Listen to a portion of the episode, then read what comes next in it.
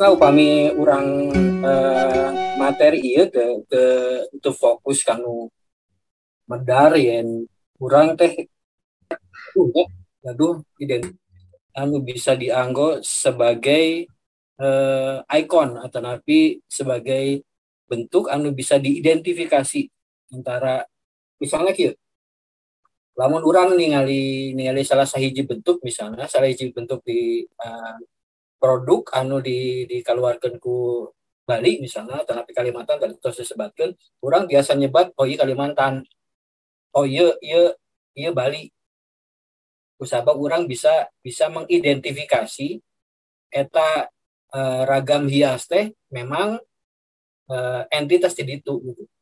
Jadi bagian-bagian anu anu tos intrinsik menjadi bagian yang yang yang dikembangkan dan dirawat terus menerus hingga saat ini. Nah, kumalamu di Sunda, iya kurang iya mah pengalaman simkuring eh, sebagai ilustrator, sebagai desainer, jika nanti rada sanes jika iya rada susah susah pisan.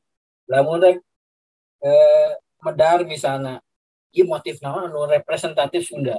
Iya motif naon representatif sudah misalnya di ukira atau napi atau tina tina motif batik.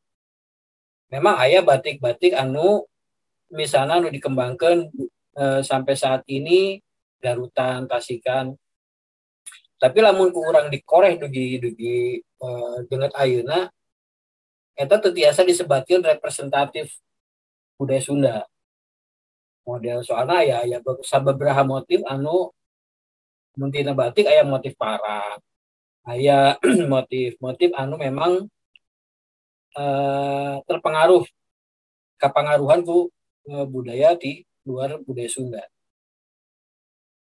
Terus anu anu kaduana upama misalkan kurang badai nyandak ikon sih nu representatif Sunda.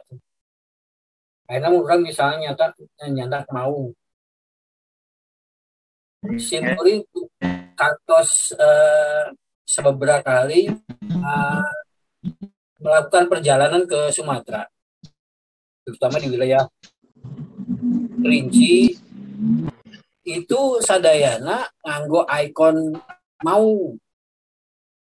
Harimau, namun di di situ uh, terus di di sana itu justru malah malah sudah sangat sudah sangat akrab secara secara kultural. Misalnya mereka punya punya legenda tujuh manusia harimau. Terus ayah doi eh, eh, naon eh, tokoh penunggu gunung kerinci misal. Secara-secara kultural dalam dalam dalam konteks historiografi bukan historiografi tapi uh, legenda itu itu bisa dijadikan sebagai akar akar budaya bisa dijadikan sebagai akar budaya yang kemudian dikembangkan dan hidup di di dalam tradisi uh, lisan mereka. Kalau kita melihat ke Sunda sendiri, ini kan agak-agak agak uh, agak apa ya, agak agak susah, agak sulit karena dari sisi uh, apa tradisi lisan mau itu tidak tumbuh sebagai sebuah tradisi yang cukup kuat dalam dalam tradisi uh, budaya lisan kita.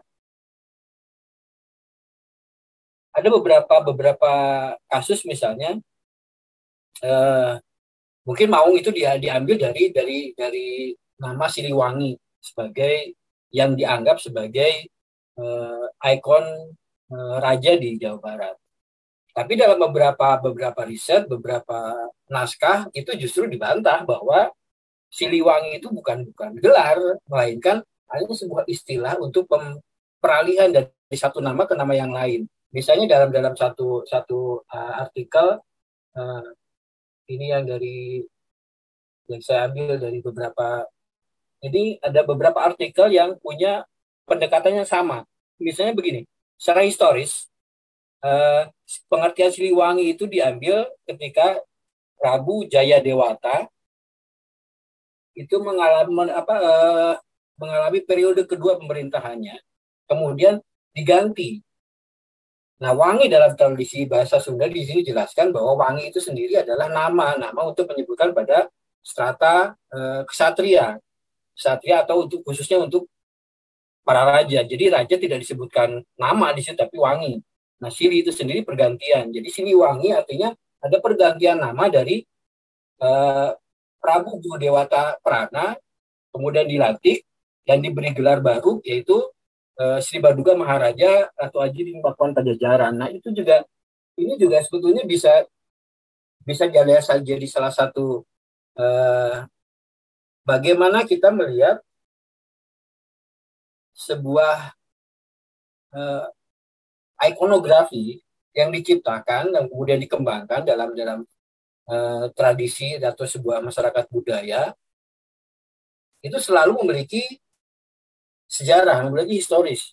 Ada ada histori ada historiografi. Dan dalam beberapa beberapa pengertian bahwa eh, apa legenda atau kemudian eh, cerita rakyat itu tidak bisa dikatakan sebagai eh, sejarah betul setuju bahwa itu bukan bukan tidak bisa dibagikan sebagai sejarah tapi itu bisa di bisa dimasuk ke dalam historical intelektual gitu loh. Ada ada sejarah intelektual yang yang mendasari sebuah, sebuah fakta sejarah atau catatan sejarah yang diambil dari beberapa naskah eh, cerita rakyat atau legenda dan itu sudah sudah sangat sering dilakukan. Nah jadi sebetulnya dalam dalam dalam poin ini saya cuma mau mengatakan bahwa kita punya sebagai sebagai sebuah kelompok budaya kita punya PR besar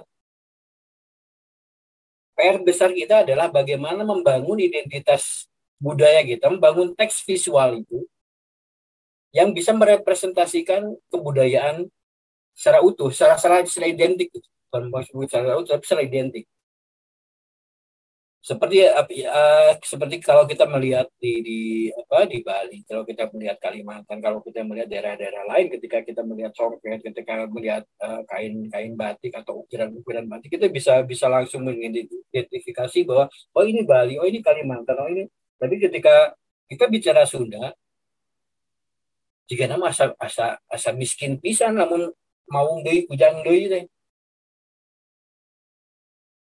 secara secara secara kultural kita budaya Sunda itu bisa bisa dibilang sebuah kebudayaan karena ketika saya melakukan satu satu riset tentang uh, motif kain di Riji pada saat itu ada satu naskah yang menyebutkan bahwa leluhur bangsa leluhur masyarakat di Sumatera itu dari Jawa Barat. Dan menyebutkan bahwa naskah itu eh, bersumber dari ada ada satu satu satu satu link and match antara yang di apa namanya yang naskah yang eh, yang di Jawa Barat naskah non yang tadi anu siksa kandang sanes kang sanes sanes anu tentang kerajaan kerajaan tertua di Nusantara itu yang di Salakanagara. Nah, Salakanagara itu masuk dalam sebuah naskah naskah yang ini pernah diteliti juga oleh Uli Kosok dan saya pikir ini cukup valid dan itu menjadi jadi salah satu uh, sumber acuan bagi beberapa penelitian di Sumatera karena dia juga Batak karena dia Uli Kosok uh, melakukan studi naskah itu cukup cukup komprehensif ya cukup mendalam juga bahkan dia juga melakukan studi tekstual.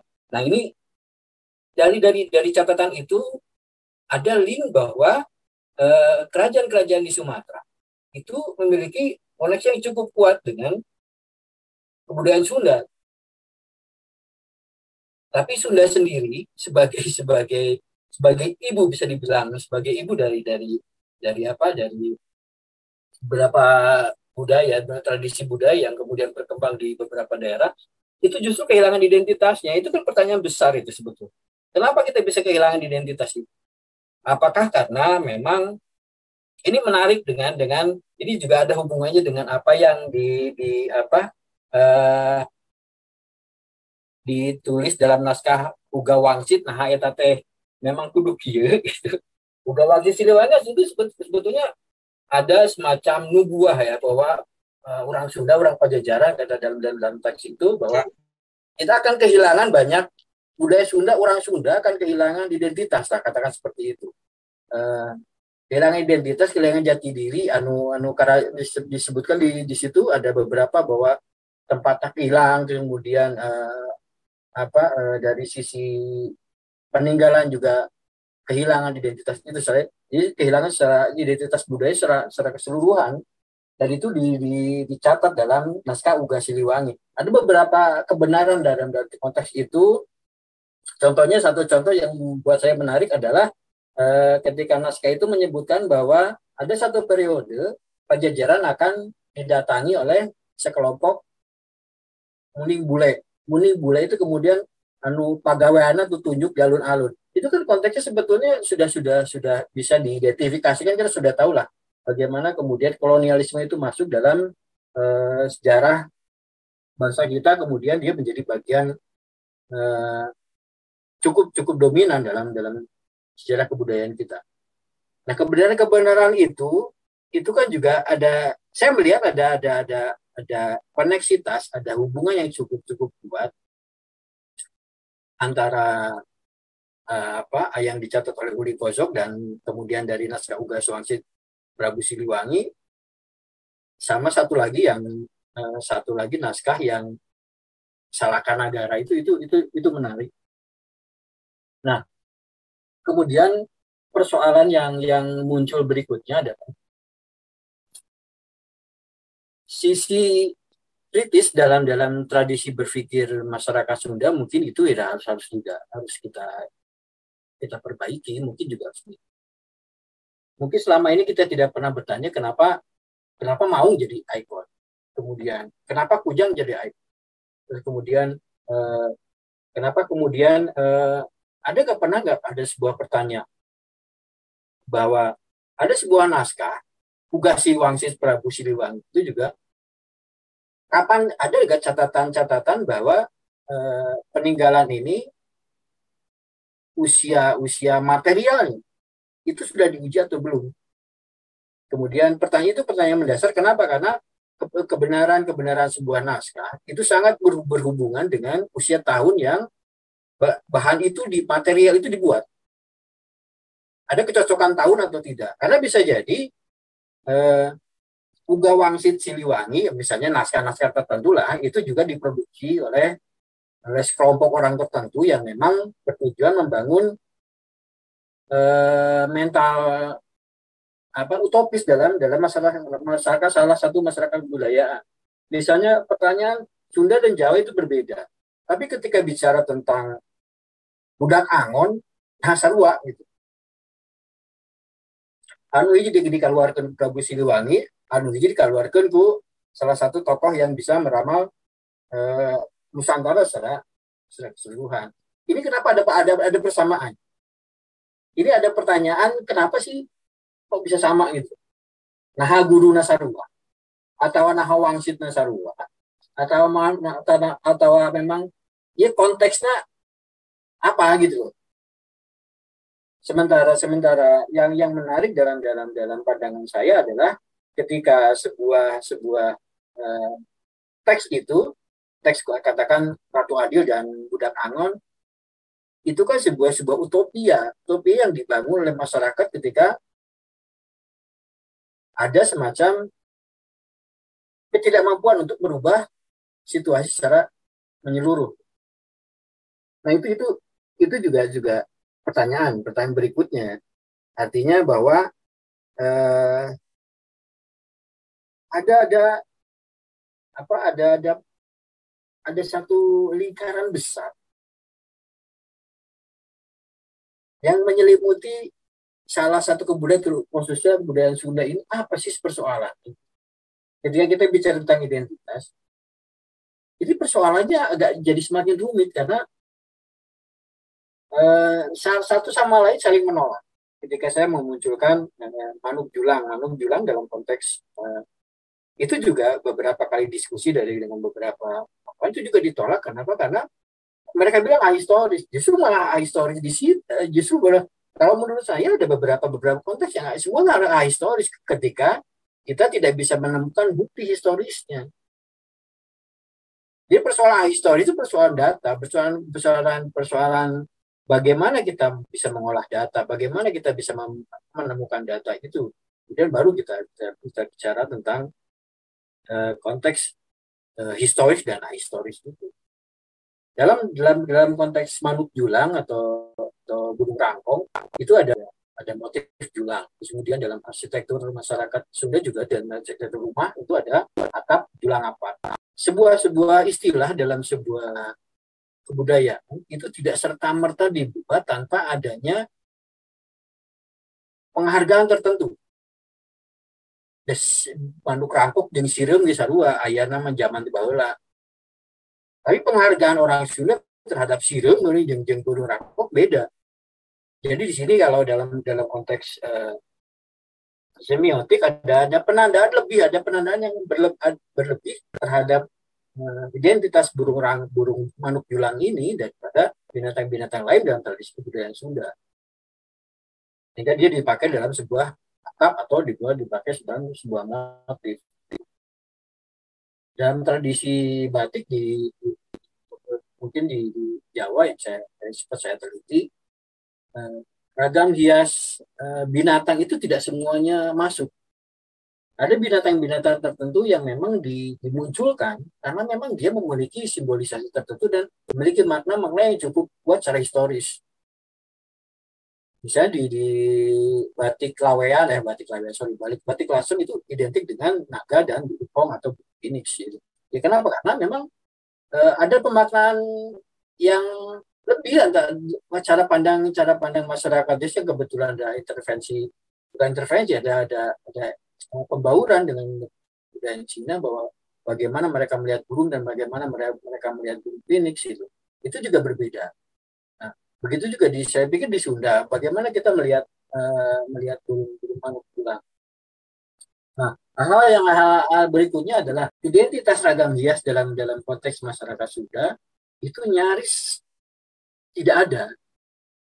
Mungkin tetap ada ya tapi ini ini ini butuh butuh butuh butuh riset dan butuh penelitian yang lebih lanjut untuk memunculkan itu karena memang data-data secara visual eh, kita kehilangan banyak kehilangan banyak kehilangan itu kemudian eh, hal berikutnya adalah kalau kita bicara tentang teks visual antara teks visual dan ini pengaruh bahasa bagaimana bahasa mampu memberikan uh, referensi visual, referensi visual dalam dalam konteks uh, membangun imaji visual dalam, dalam dalam cara berpikir sebuah kelompok budaya itu sangat-sangat berpengaruh. Misalnya dalam istilah uh, kalakai murad, kalakai murad ketika kita tidak punya referensi seperti apa kalakai, pemaknaan dari istilah kalakai murad dalam konteks uh, budaya itu tidak akan sampai. Nah, bagaimana kemudian ini ini ini yang saya saya bilang bagaimana kita kemudian referensi visual atau data-data visual dalam dalam dalam bahasa daerah itu menjadi sangat penting untuk membangun identitas dari uh, ragam visual sebuah budaya. Karena ragam visual kebudayaan nggak bisa tidak bisa dipisahkan dari dengan dengan bahasa ibunya dengan bahasa daerah. Jelas ada sebuah mustahilan lah. Seperti yang saya bilang tadi bahwa teks visual uh, teks visual kalakai misalnya di atau kalau kita ambil dari istilah uh, budak apa uh, budak angon dalam konteks naskah uga wang sisi doang di sana disebutkan bahwa budak angon imana di sisi leit kemudian um, di mana di sisi leit di, ditutupan ku naon?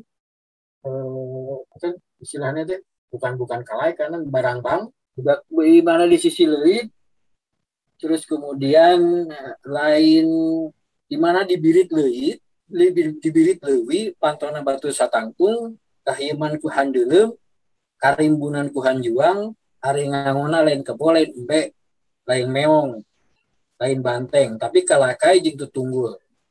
Pemahaman pemahaman pemaknaan ini tidak mungkin bisa ditemui kalau kita tidak memiliki teks visual dari beberapa kalimat. Misalnya Hanjuang, terus kemudian eh, tunggul batu satangtung masih ngebayangkan gimana ngebayangkan batu satangtung yang batu nanggung atau batu nukumaha gitu kemudian handelum itu juga nukumaha sih handelum teh. Itu kan itu kan juga pengaruh sementara dalam dalam konteks kebudayaan Sunda sekarang bahasa Sunda itu cenderung eh, terjadi dekadensi ya. Ada penurunan penggunaan penggunaan bahasa dan juga pemaknaan bahasa itu sendiri.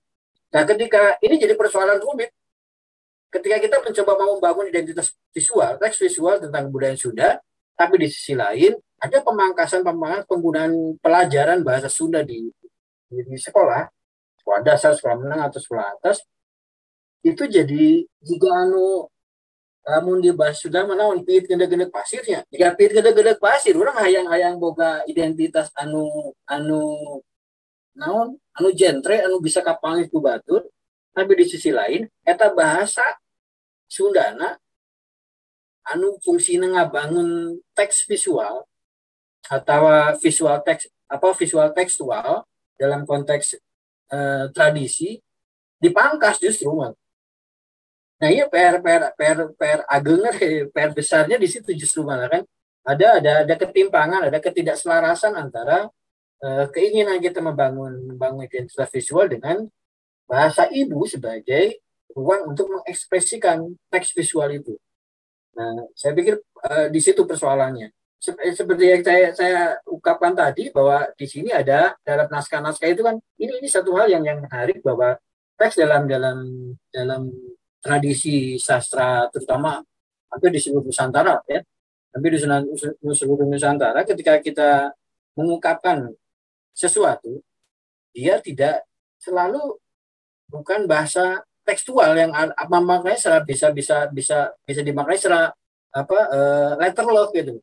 Ketika uh, seperti contohnya seperti tadi di mana di Birit Lewi, kemudian Pantona Batu Satangtu, itu kan tidak mengatakan bahwa ada sebuah rumah di di pojok apa apa sungai lah katakan seperti itu dengan dengan pintu batu yang utuh kemudian uh, atapnya dengan ditutupan kuhan dulu saya pikir pemaknanya bukan begitu tapi ada ada ada pemaknaan, ada itu merupakan satu simbolisasi dari dari makna yang tersembunyi. Ini ini menariknya di situ. Justru malah makanya ketika ketika kenapa saya bilang jika jika pit ngedek-ngedek pasir karena ketika identitas mencoba kita mau kita bangun tapi bahasa pembentuk visual teks teks visualnya justru malah dihilangkan kalau tidak kalau tidak kalau uh, ya bisa dibilang dihilangkan karena dari beberapa uh, buku ajaran tentang bahasa Sunda dan yang saya ikuti di anak saya sekolah itu sama sekali tidak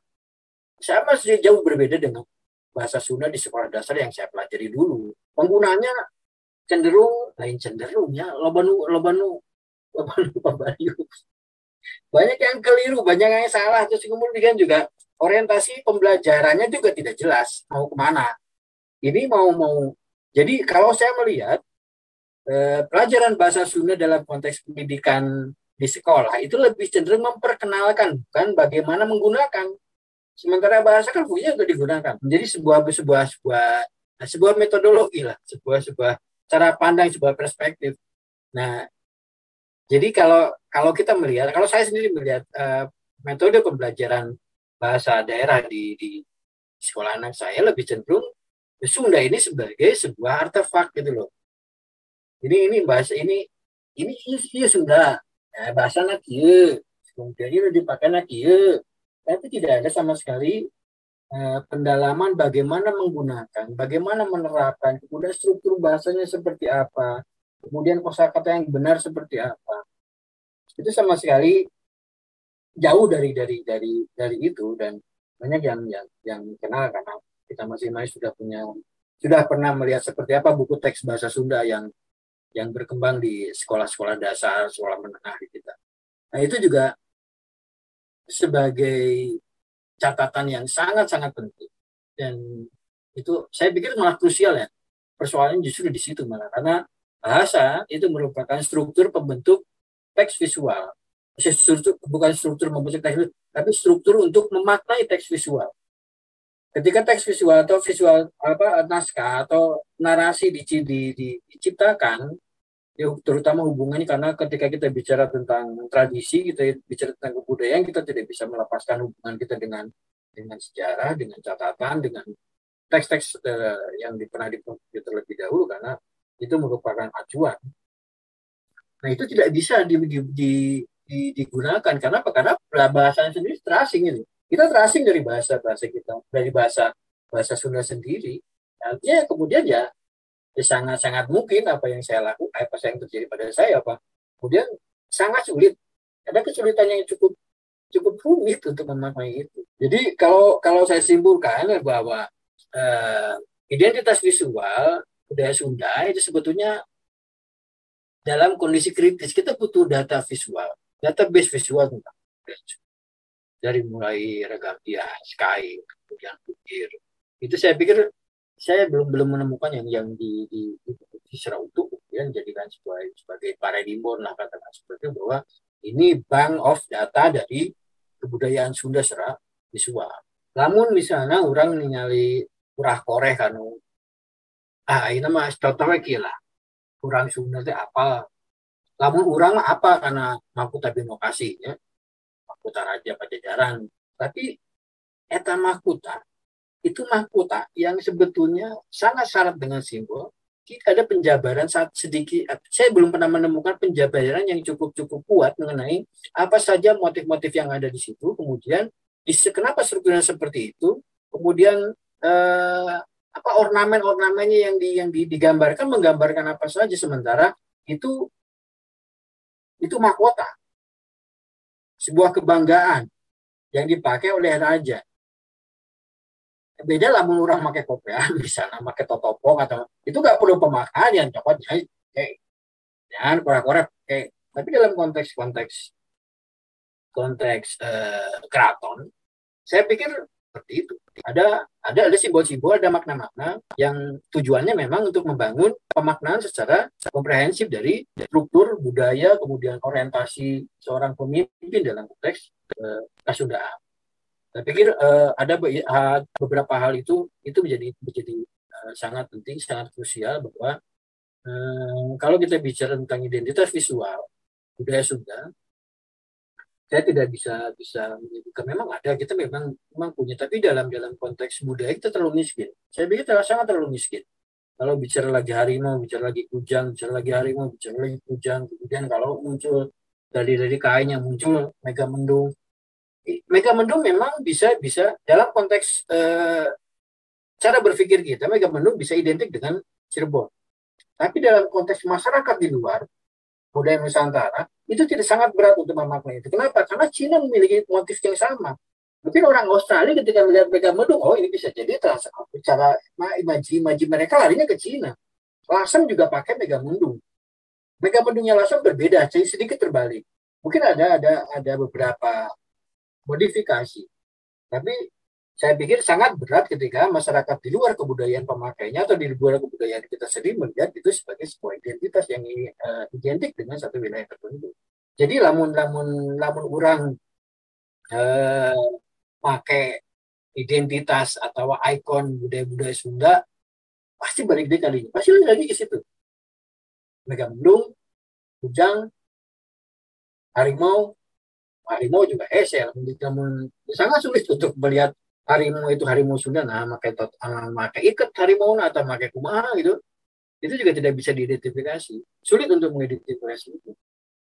Sementara data-data visual kita sangat kekurangan. Batik garutan ada beberapa motif yang sudah hilang. Kemudian batik tasikan motif-motif aslinya sudah hilang diganti dengan motif-motif pekalongan di Solo eh, yang kemudian mungkin karena persoalan pasar atau atau banyak hal ya. Ada ada ini ini ini PR besar, PR besar bagi, bagi kita sebagai uh, orang yang hidup dalam satu budaya yang sudah